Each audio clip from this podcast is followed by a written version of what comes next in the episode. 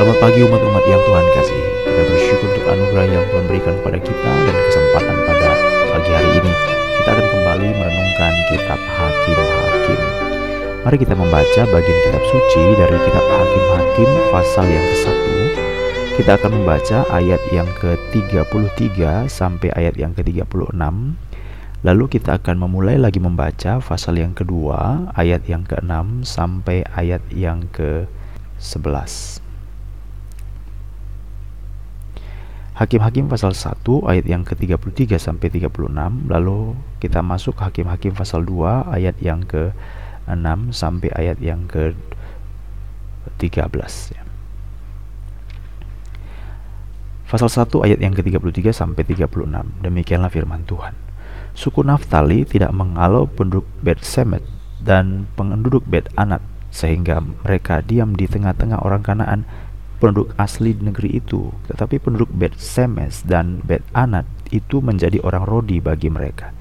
Orang Amori mendesak Bani dan ke sebelah pegunungan dan tidak membiarkan mereka turun ke lembah.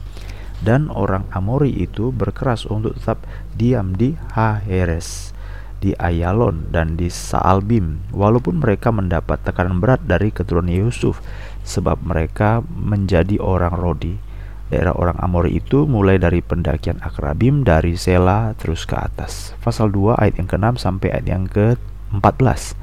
Setelah Yosua melepas bangsa itu pergi, maka pergilah orang Israel itu masing-masing ke milik pusakanya untuk memiliki negeri itu.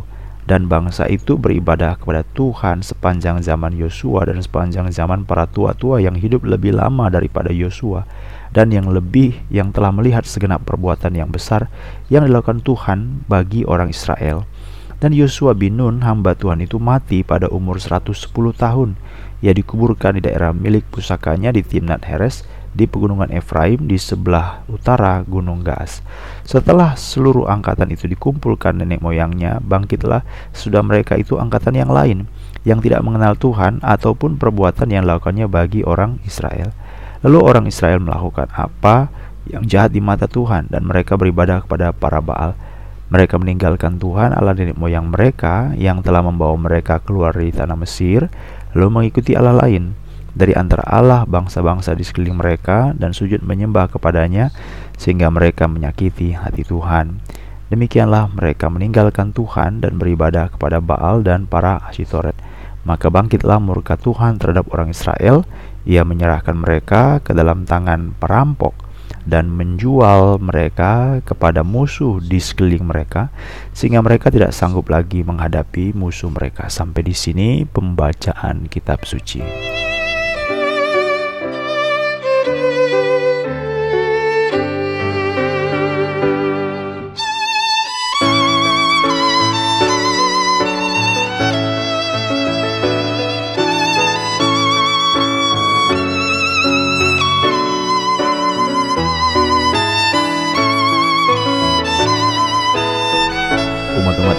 Yang Tuhan kasihi, baru saja kita membaca pada pasal 1 dan pada pasal 2. Pada pasal 2 kita temukan tadi bahwa Yosua sudah meninggal, sudah mati pada umur 110 tahun dan akhirnya bangsa Israel tidak lagi dipimpin oleh seorang yang seperti Musa atau tidak juga seorang yang bernama Yosua, tapi sekarang dipimpin oleh para tua-tua Israel.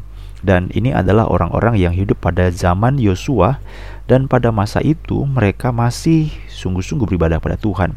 Tetapi hal yang miris sekali terjadi itu ada dalam ayat yang ke-10 bahwa setelah angkatan itu mati atau orang tua-tua yang hidup pada zaman Yosua itu mati semuanya maka bangkitlah sesudah mereka angkatan yang lain yang tidak mengenal Tuhan ataupun perbuatan yang dilakukannya bagi orang Israel. Ini yang aneh sekali. Kalau kita ingat kalimat ini, kita ingat bangsa Israel juga pertama-tama di Mesir seperti itu. Orang Israel itu pergi ke Mesir kan karena ada Yusuf. Yusuf yang lebih dulu ada di Mesir, lalu dia katakan ini masih ada kelaparan berapa tahun lagi. Jadi kamu datanglah ke sini. Jadi satu keluarga 70 orang itu berangkat pindah ke Mesir. Tetapi setelah semua mati, termasuk Firaun mati, maka bangkitlah seorang Firaun yang tidak mengenal Yusuf. Lalu mulailah dia menindas bangsa Israel dan menjadikan mereka budak. Hal yang sama terjadi pada Hakim-Hakim pasal 2 ayat yang ke-10. Pada waktu tua-tua yang hidup pada zaman Yosua itu hidup, semua bangsa Israel menyembah, beribadah kepada Allah. Tapi begitu bangkitlah generasi yang baru. Hakim-Hakim pasal 2 ayat 10, suatu angkatan yang tidak mengenal Tuhan ataupun tidak mengenal perbuatannya yang dilakukan bagi orang Israel. Bagaimana mungkin orang Israel ini tidak mengenal perbuatan Tuhan? Padahal Tuhan sudah berkata bahwa beritakan ini kepada anak-anak dan cucumu supaya mereka tahu bahwa apa yang diberikan Allah untuk mereka supaya mereka tahu kamu pun dulu adalah bangsa berasal dari mana supaya kamu tahu jadi ada begitu banyak orang lalai lalai untuk memberitakan apa yang terjadi kepada diri mereka supaya menjadi kesaksian bagi anak cucu mereka. Ini kegagalan yang serius sekali ya. Jadi kalau kita baca itu adalah merupakan tugas daripada orang-orang, setiap orang sebenarnya dari satu generasi kepada generasi selanjutnya memberitakan tentang Tuhan sampai masa tua kita. Mazmur pasal 71 ayat yang ke-18 ya juga sampai masa tuaku dan putih rambutku, ya Allah, janganlah meninggalkan aku, supaya aku memberitakan kuasamu kepada angkatan ini, dan keperkasaanmu kepada semua orang yang akan datang. Kita ketahui ada suatu pernyataan yang aneh yang dituliskan dalam Alkitab, Bukan Alkitabnya yang aneh, tapi perbuatan bangsa Israel. Bukankah Tuhan sudah mengatakan, katakan, ceritakan kepada anak-anakmu, kepada keturunanmu apa yang telah diperbuat Tuhan. Tapi Alkitab berkata, maka bangkitlah satu angkatan lain yang tidak mengenal Tuhan ataupun mengenal perbuatan yang dilakukan Tuhan bagi orang Israel. Berarti ada kegagalan orang tuanya kan? Dan kalau kita baca pada pasal 2 ini, ada suatu pola, ada sesuatu gambaran dan keadaan yang terjadi secara berulang-ulang, siklus. Yang pertama, tercatat mereka setia kepada Tuhan. Misalnya Hakim-hakim 2 ayat 6 sampai 10. Lalu setelah itu semuanya mati, mereka berpaling kepada Tuhan, kepada penyembahan berhala. Pasal 2 ayat 11 sampai 13. Lalu Tuhan murka dong karena orang Israel telah berpaling menyembah berhala. Maka murka Tuhan terhadap mereka. Pasal 2 ayat 14 sampai 15. Tetapi mereka berseru kepada Tuhan, Nanti kita akan temukan dalam hari-hari berikutnya bahwa berseru di situ belum tentu bertobat. Kenapa dia berseru? Ya mungkin ada orang berseru memang ya karena dia sudah tidak punya jalan lagi, dia sudah hopeless. Jadi dia berseru, dia berkata Tuhan tolonglah. Tapi bukan karena pertobatan ya. Namun pun demikian, walaupun mereka berseru bukan karena pertobatan, Tuhan menyatakan belas kasihannya. Pasal 2 ayat yang ke-16 sampai 18. Tetapi setelah mereka dibebaskan, hidup mereka aman, menikmati belas kasihan Tuhan, kembali lagi mereka kepada penyembahan berhala. Lagi, lagi, dan lagi. Jadi seperti siklus lingkaran.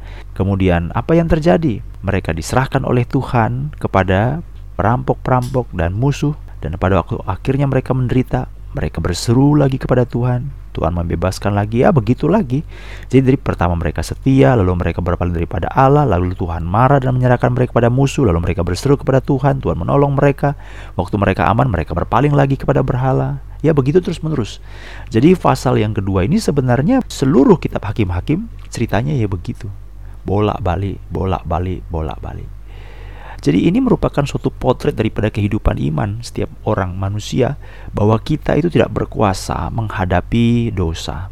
Kita tidak berkuasa menghadapi keinginan daging. Kita tidak berkuasa untuk menyikapi natur manusia yang sudah makin lama makin menurun.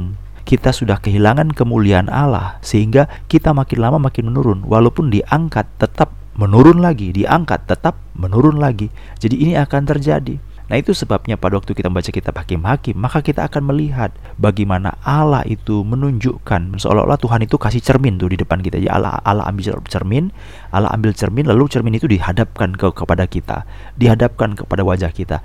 Jadi kita itu disuruh Tuhan itu ngaca loh Bercermin loh Begini loh keadaan kamu. Inilah potret daripada kehidupanmu. Inilah diri manusia sesungguhnya. Inilah keadaan orang yang sudah berdosa itu sesungguhnya.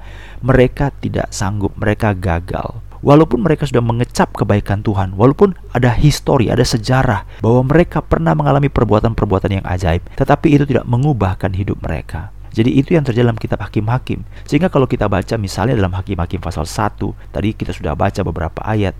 Pada pasal 1 itu ada sesuatu bagian yang sedikit aneh. Pada ayat yang ke-25.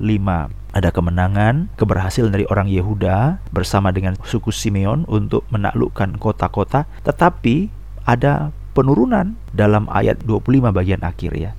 Mereka memukul kota itu dengan mata pedang, tetapi orang itu dengan seluruh kaumnya dibiarkan mereka pergi. Nah, dari sini ini ada kalimat yang menunjukkan penurunan. Pertama, mereka menang. Yang kedua, mereka menang tapi membiarkan mereka pergi pasal 1 ayat 25. Kemudian nurun lagi nanti, menurun lagi. Kalau kita baca mulai ayat 26 sampai ayat 27 dan seterusnya.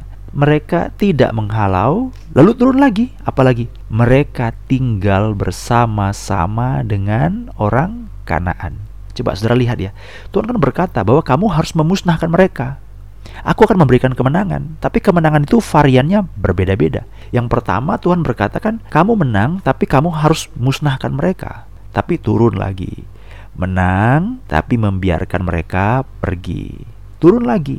Menang, membiarkan tidak membiarkan mereka pergi ya, tidak menghalau mereka. Turun lagi. Mereka memang menang, tetap menang ini, tetapi mereka tinggal bersama-sama dengan orang Kanaan dan membiarkan mereka menjadi rodi. Itu kita baca dalam pasal 1. Makin lama makin turun. Sejak ayat 25, 26 dan seterusnya sampai 36. Jadi kalau kita lihat di situ, kita tahu itulah sifat manusia. Tuhan sedang kasih cermin kepada kita. Ini loh kamu.